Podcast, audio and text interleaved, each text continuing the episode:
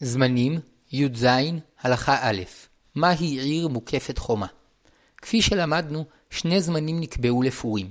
בכל המקומות עושים את הפורים ביום י"ד באדר, ובכרכים המוקפים חומה מימות יהושע בן נון ובשושן הבירה, ביום ט"ו באדר. אין הבדל בזה בין עיר שבארץ ישראל לעיר שבחוץ לארץ. כל עיר שהייתה מוקפת חומה בימות יהושע בן נון, אף על פי שחומתה נחרבה, דינה כדין עיר מוקפת חומה. ורק שושן הבירה שבה נעשה הנס, דינה כעיר מוקפת חומה למרות שבימי יהושע בן נון עדיין לא נבנתה.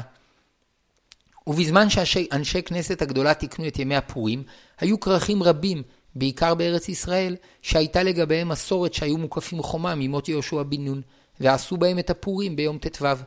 אולם במשך השנים הרבות שעברו, נחרבו הכרכים ואבדה המסורת לגביהם.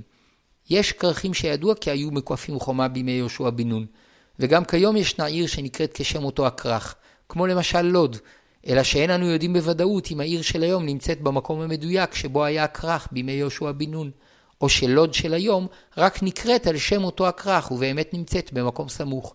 ויש כרכים עתיקים שנעשו שוממים מיהודים ואבדה המסורת לגביהם, ואין אנו יודעים אם היו קיימים בזמן יהושע בן נון. ויש שאנו יודעים שהיו קיימים, אלא שאיננו יודעים אם הייתה להם אז חומה, כמו למשל חברון, ורק לגבי עיר אחת בלבד נותרה מסורת ברורה שהיא מוקפת חומה ממות יהושע בן נון, הלא היא ירושלים עיר קודשנו ותפארתנו, ורק בה עושים בזמן הזה את הפורים ביום ט"ו. ונבאר תחילה את דינה של ירושלים, ואחר כך את דינם של המקומות שיש לגביהם ספק.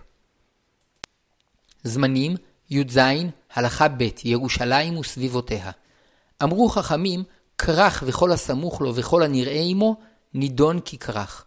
לפיכך, לא רק במקום ירושלים העתיקה עושים את הפורים בט"ו, אלא אף בכל השכונות הסמוכות לירושלים העתיקה.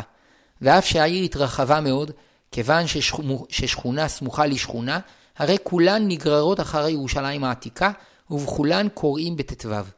אמנם במשך תהליך בניית השכונות התעורר ספק לגבי אותן השכונות שנבנו מתחילה בריחוק מקום משאר העיר. באחרונה התעוררה שאלה לגבי שכונות רמות והר נוף, יש אומרים שרק השכונות שיש ביניהן רצף של בתים עד העיר העתיקה, דינן כדין ירושלים. אבל אם יש ביניהן הפסקה של 141 אמה ושליש, 67.8 מטר, הרי הם כמקום, כמקום נפרד, ועל כן הורו לקרוא את המגילה ברמות והר נוף ביום י"ד. ויש אומרים שכל השכונות שנחשבות כחלק מהעיר ירושלים לעניין מיסים, וקל וחומר אם הן מוקפות גם בעירוב אחד, נגררות אחרי ירושלים, וקוראים בהן את המגילה בט"ו בלבד. ועל כן צריכים לקרוא את המגילה בהר נוף ורמות ביום ט"ו. וכך הורו רבני ירושלים האחרונים, הרב משאש והרב קוליץ זצ"ל. וכך המנהג הרווח, וכל הדיונים הללו מוכרעים במשך הזמן בזכות התרחבותה של ירושלים, שבעזרת השם בוני ירושלים, העיר הולכת ונבנית, וגם השכונות הרחוקות נעשות סמוכות וצמודות לשאר חלקי העיר, עד שנעשה ברור לכל שדינן כדין ירושלים.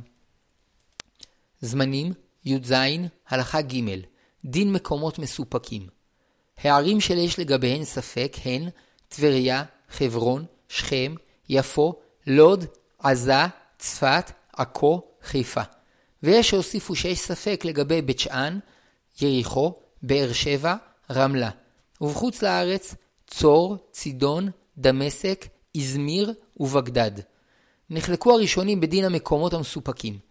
כולם מסכימים שצריך לקרוא בהם את המגילה ביום י"ד עם ברכה, מפני שאפילו מי שגר בירושלים, שזמן קריאתו בט"ו, אם קרא בי"ד, שהוא זמן קריאה לרוב העולם, יצא בדיעבד, ועל כן במקום שיש ספק, צריכים לקרוא לכתחילה בברכה ביום י"ד.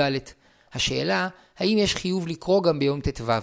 יש אומרים שבכל המקומות המסופקים עושים את הפורים ביום י"ד בלבד, ואינם צריכים כלל לקרוא ביום ט"ו, ורק הרוצים לנהוג מנהג חסידות יקראו ביום ט"ו בלא ברכה. ויש אומרים שצריכים לקרוא בהם גם ביום ט"ו בלא ברכה, והטעם כדי שהספק לא יישכח. ויש בכך גם משום כבודה של ארץ ישראל, אלא שהואיל והוא ספק לא יברכו. ונחלקו לגבי שאר מצוות הפורים, משלוח מנות, מתנות לאביונים וסעודה. יש אומרים שמקיימים אותן רק ביום הראשון, שהוא פורים לכל העולם, ויש אומרים שמקיימים אותן גם ביום השני. והגרים סמוך למקום הספק עושים פורים בי"ד בלבד, כי רק הסמוכים למקום שוודאי קוראים בו בט"ו נגררים אחריו, ולא הסמוכים למקום ספק. ויש שהחמירו גם על המקומות הסמוכים לספק, שיקראו את המגילה גם ביום ט"ו.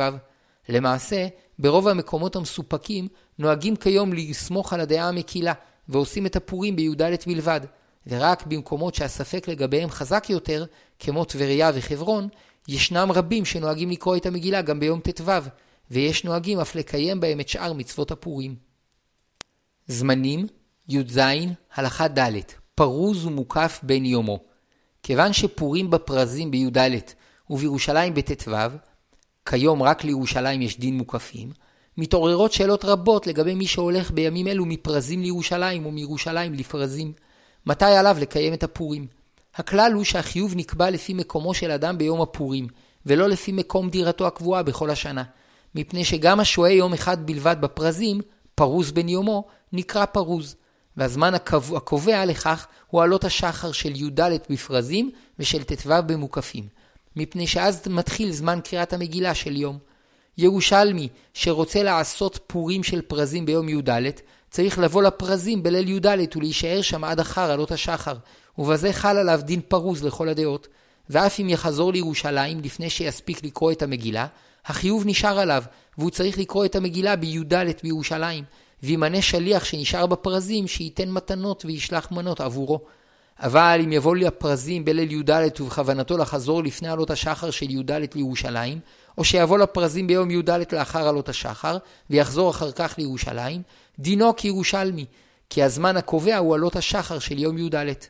פרוז שעשה פורים ביום י"ד ורוצה לעשות פורים גם בט"ו בירושלים, צריך לבוא לירושלים בליל ט"ו ולהיות בעד אחר עלות השחר של יום ט"ו, ובזה הוא נחשב כירושלמי, ועליו לקיים את כל מצוות הפורים גם ביום ט"ו. וישתדל לשמוע את הברכות על המגילה מאדם אחר, ואם הוא קורא לעצמו לא יברך, מפני שיש אומרים שכיוון שכבר עשה פורים ביום י"ד, אינו צריך לקיים עוד יום פורים. ואף שלהלכה עליו לקיים את הפורים גם ביום ט"ו, מכל מקום לעניין ברכה, חוששים לדעת הפותרים ואין מברכים, וגם לא יוציא ירושלמים בקריאתו.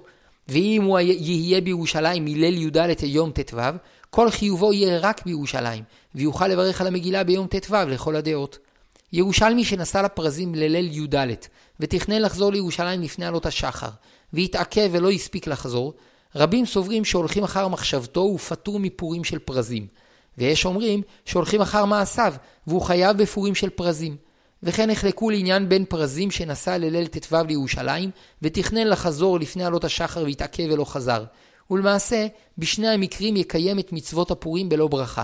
וכאשר יצטרפו ספקות נוספים, ישאל שאלת חכם. זמנים י"ז הלכה ה' פורים המשולש לעתים יום ט"ו באדר, שהוא פורים של ערים המוקפות חומה, חל בשבת. אולם יום י"ד באדר לעולם, לעולם אינו חל בשבת. כאשר חל ט"ו באדר בשבת, נקרא אותו פורים, פורים המשולש, מפני שדיני הפורים שלו מתחלקים לשלושה ימים. ולמה אין עושים את הפורים ביום שבת?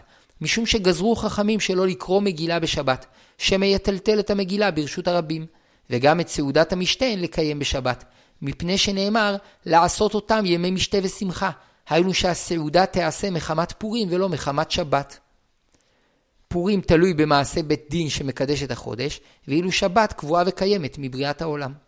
לפיכך, ביום שישי קוראים את המגילה ונותנים מתנות לעניים, מפני שעיניהם של עניים נשואות למקרא מגילה, ואם לא ייתנו להם באותו יום יצטערו. ויש להשתדל לקרוא את המגילה במניין של עשרה, מפני שיש סוברים שקריאה זו נחשבת שלא בזמנה, ועל כן הכרח לקרוא אותה בעשרה, גברים או נשים. ומכל מקום, גם כאשר אין מניין, יקראו את המגילה ביום שישי בברכה.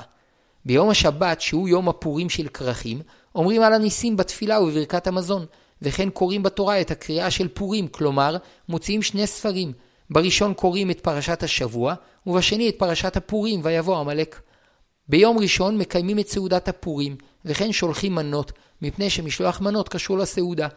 ומדוע מקדימים לקרוא את המגילה לפני השבת, ואילו את הסעודה מאחרים לאחר השבת? מפני שתחילה יש לקרוא את המגילה ולפרסם את הנס, ואין לאחר את קריאת המגילה אחר זמן הנס, שנאמר ולא יעבור. ומנגד, את הסעודה אפשר לקיים רק אחר שהגיע יום הנס, שהוא ט"ו שחל בשבת. וכיוון שאין לקיים את הסעודה בשבת, דוחים אותה לאחר השבת.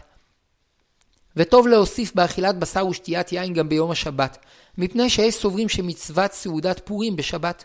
ואם אפשר, טוב לשלוח מנות בצנעה ביום שבת, ובתנאי שיש שם עירוב.